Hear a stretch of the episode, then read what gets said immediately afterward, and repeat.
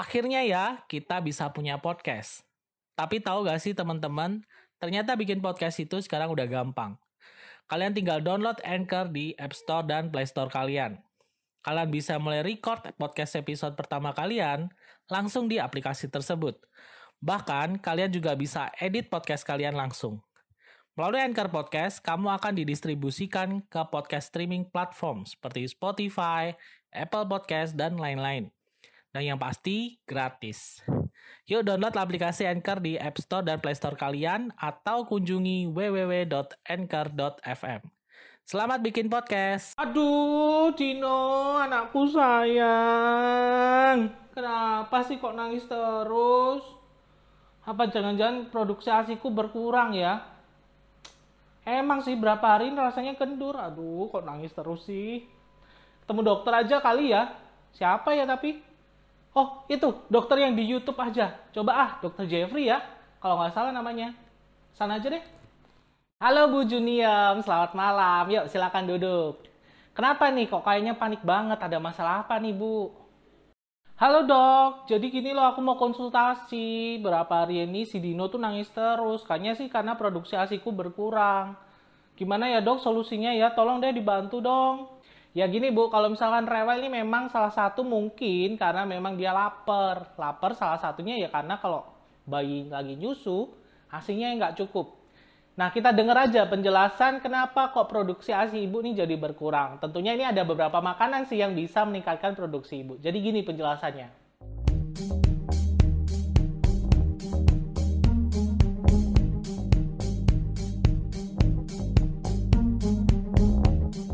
Halo semuanya, salam sejahtera. Yuk kita bantuin Bu Juniem tadi yang katanya anaknya rewel karena produksi asinya berkurang. Ya, yes, ngomong-ngomong soal produksi ASI ini memang salah satu jadi beban pikiran, terutama buat para orang tua, buat ibu muda yang baru punya anak, yang masih menyusui si kecil. Ketika produksi ASI ini jauh sangat berkurang, tiba-tiba kok jadi sedikit produksinya, ini jadi pikiran. Apalagi kalau si kecil ini cuma dapatnya ASI aja, ASI eksklusif. Otomatis asupan nutrisinya ya cuma dari ASI. Ketika dia nggak dapat ASI yang cukup, tumbuh kembangnya juga nggak bagus. Dia jadi rewel ya karena dia lapar terus. Nah sebenarnya untuk penyebab dari kenapa kok produksi ASI ini tiba-tiba menurun sebenarnya cukup banyak ya. Kita bahas saja yang paling sering. Yang pertama, ibu yang mengalami stres ya, stres ataupun kelelahan fisik yang berlebihan. Ya mungkin kalau ibu baru punya anak kecil, di rumah sering begadang, istirahatnya berkurang, me time-nya, waktu refreshing-nya juga berkurang, ibu jadi gampang stres, gampang capek. Nah, hal ini juga bisa menyebabkan produksi ASI ibu jadi berkurang, yang biasanya mungkin biasa deres-deres saja tiba-tiba seret, tiba-tiba berkurang. Ini sering sekali terjadi, makanya ibu kalau stres berlebihan juga nggak bagi, nggak baik ya, nggak bagus untuk terutama yang lagi menyusui, asinya bisa seret. Yang kedua adalah ketika menyusuinya nggak terlalu sering, ya. Makanya kalau produksi ASI kita bilang tuh buy on demand. Artinya sesuai kebutuhan. Tubuh kita ini sudah dirancang sedemikian rupa, ketika ibu menyusui sering, otomatis kan payudara kosong ya. Ini memberi sinyal ke otak untuk produksi lagi. Ayo, lepasin hormon untuk bisa produksi ASI lagi.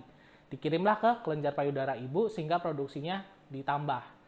Ketika ibu menyusuinya jarang, Mungkin ibu melihat si kecil tidur terus, mau bangunin kok nanti kasihan. Atau si kecil memang menyusuinya nggak terlalu sering. ya. Ini bisa menyebabkan kelenjar payudara ibu berikan sinyal ke otak untuk, eh, di stop produksinya. Akhirnya otak juga akan merespon, oh iya, biar nggak banyak-banyak deh, dikurangi aja produksinya. Ketika itu berlarut-larut terus kejadian seperti itu, terutama mungkin ibu yang dibarengi susu formula Kan jadi jam untuk menyusui ASI langsung juga berkurang. Ini juga bisa menyebabkan produksi ASI ibu jadi jauh berkurang.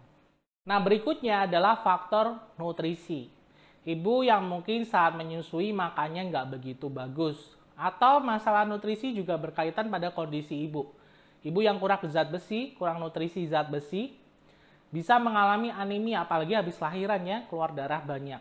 Nah itu bisa juga menyebabkan produksi ASI jadi nggak maksimal. Nah sebenarnya untuk kita ngomongin nutrisi ini banyak sekali nutrisi yang diperlukan ibu menyusui untuk menunjang produksi asinya. ada beberapa makanan sih yang bisa meningkatkan produksi ASI. Ini mungkin makanan yang sering kita ketemui lah di di hari-hari kita. Kalau mau cari di pasar juga gampang. Yang pertama adalah oatmeal atau gandum ya. Ini sebenarnya adalah makanan yang bisa kita beli secara mudah, kita olah secara mudah. Kalau dimakan juga nyaman karena teksturnya lembut. Bisa dicampur dengan air hangat atau seperti apa. Nah, oatmeal ini mengandung nutrisi yang cukup bagus. Ada zat besi, ada kalsium, ada fosfor, karbohidrat, lemak, protein, macam-macam, lengkap sekali. Nah, oatmeal ini dipercaya juga bisa memicu produksi ASI menjadi lebih banyak. Makanya mungkin kalau buat ibu yang ada kendala dengan produksi ASINya, coba dibantu dengan makan makanan oatmeal. Nah, selain itu adalah konsumsi makanan seperti biji-bijian. Contohnya adalah kacang almond. Kacang almond ini bisa berupa olahan kacang yang bisa kita masak, kita makan sebagai cemilan atau yang sudah diolah menjadi susu almond. Ya, almond ini sangat dipercaya sekali bahkan manfaatnya sudah teruji sekali bisa memicu produksi ASI. Almond ini termasuk golongan galactagogus ya yang artinya dia uh, zat yang mengandung substansi atau zat yang bisa memperlancar produksi ASI kalian. Ya, almond ini bisa kalian olah mungkin jadi cemilan ya, digoreng, buat cemil-cemil, direbus, disangrai atau diolah yang sudah ada berupa olahan susu banyak sekali. Di pasaran, di minimarket banyak sekali. Kemudian makanan yang mengandung ikan gabus ya. Ini ikan gabus ini sudah sering sekali ya, mungkin sebagian dari Anda sangat familiar dengan ikan gabus. Memang kalau kita makan enak, rasanya enak. Nah ikan gabus ini selain menunjang pemulihan luka ya mungkin ibu yang habis lahiran dapat jahitan atau habis operasi sesar itu bagus sekali tinggi protein dari ikan gabus bisa mempercepat pemulihan luka tersebut. Akhirnya ya kita bisa punya podcast. Tapi tahu gak sih teman-teman, ternyata bikin podcast itu sekarang udah gampang. Kalian tinggal download Anchor di App Store dan Play Store kalian. Kalian bisa mulai record podcast episode pertama kalian langsung di aplikasi tersebut. Bahkan, kalian juga bisa edit podcast kalian langsung. Melalui Anchor Podcast, kamu akan didistribusikan ke podcast streaming platform seperti Spotify, Apple Podcast, dan lain-lain. Dan yang pasti, gratis. Yuk download aplikasi Anchor di App Store dan Play Store kalian atau kunjungi www.anchor.fm.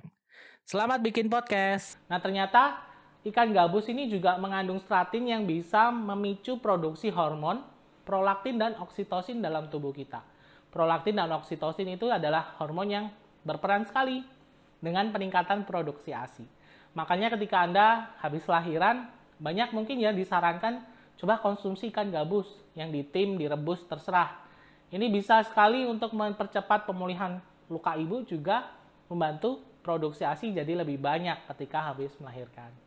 Makanan berikutnya adalah daun kelor. Daun kelor kayaknya sudah cukup familiar ya di Indonesia. Bahkan sering ketemu dia diolah sebagai sayur-sayuran, sebagai lauk.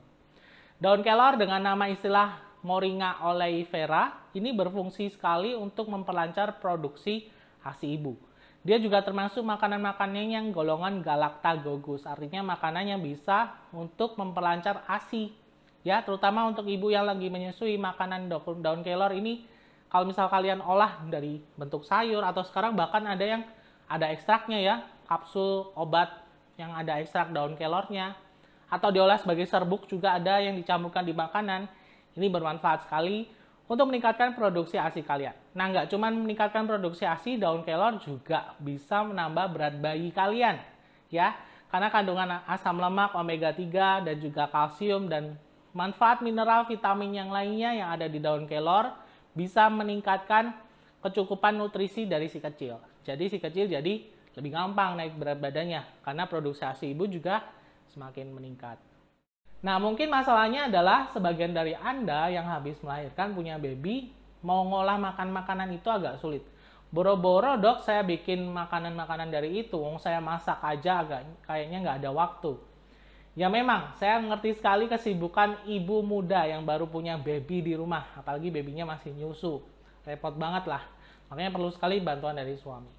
Nah, solusinya mungkin kalian bisa cari minuman, makanan, kapsul jamu atau obat yang mengandung ekstrak dari makan-makanan tadi. Ya, mungkin mereknya cukup banyak. Salah satunya kemarin saya sempat cari ada minuman berupa jamu ya, kapsul Mam Uung ya, seperti ini. Mam Uung ini termasuk dari natural product. Ingredientnya ternyata ada ekstrak daun kelor atau Moringa oleifera sekitar 200 mg dan juga canastriata ikan gabus diekstrak. Nah kalau ekstrak jadi kita konsumsinya gampang banget, gak perlu makan dengan porsi yang cukup banyak. Sudah diekstrak, sudah lebih uh, simple lah untuk kita bisa konsumsi. Nah, jadi Mang Uung ini bentuknya seperti ini ya. Dia berupa dalam kotak tadi ada botol seperti ini. Ini berisi sekitar 60 kapsul. Ya, kapsulnya kurang lebih seperti ini. Ini simpel banget, kalian cukup konsumsi aja dua kali sehari, dua kapsul. Jadi sehari kira-kira ya minum sekitar 4 kapsul. Nah, dipercaya kalau misalkan daun kelor bahkan sudah direkomendasikan di mana-mana kalau ibu menyusui mengonsumsi daun kelor minimal aja lima hari, produksi ASI bisa berkali-kali lipat, ya. Entah itu diolah sebagai sayur atau mungkin minuman yang simple seperti mam uung ini suplemen tambahan, tinggal konsumsi aja. Nah, untuk masalah keamanannya kalian nggak usah khawatir ya. Di kemasannya sudah tertera badan POM nomor BPOM-nya artinya sudah terdaftar keamanannya dan juga sudah ada logo halalnya. Jadi kalian nggak perlu khawatir. Tentunya selain tadi nutrisi-nutrisi tadi kalian juga harus dibantu dengan tadi menyusui harus makin sering. Ibu nggak boleh stres ya. Meskipun capek luangkan istirahat supaya juga ibu fisiknya ini dibantu supaya juga nanti nggak berefek pada produksi ASI. Ya, buat kalian yang mungkin ingin info lebih lanjut soal Mam Uung ini bisa kalian cek aja di Instagramnya atau linknya yang saya sertakan di kolom deskripsi. Buat yang punya pertanyaan tentang menyusui atau tentang produk ini, nanti chat aja, di DM aja adminnya nanti akan dibalas. Oke, jadi sekian ya penjelasannya. Memang perjuangan ibu menyusui itu luar biasa Penting sekali dukungan dari pasangan, terutama suami atau dari kerabat terdekat, saudara, orang tua, mertua. Karena ibu menyusui itu selain perjuangan harus begadang, menyusui. Nah, ketika produksi ASI berkurang itu perjuangan psikis juga, pikiran juga. Karena merasa nggak bisa mencukupi kebutuhan nutrisi si kecil. Makanya ibu harus perhatikan sekali bagaimana cara menyusui ya. Kemudian ibu nggak boleh stres Susui sering-sering, karena produksi ASI tadi by on demand kan. Artinya semakin sering ibu menyusui, usahakan aja lah kalau misalkan nggak keluar tetap tempelin bagaimana si kecil supaya bisa ngenyot.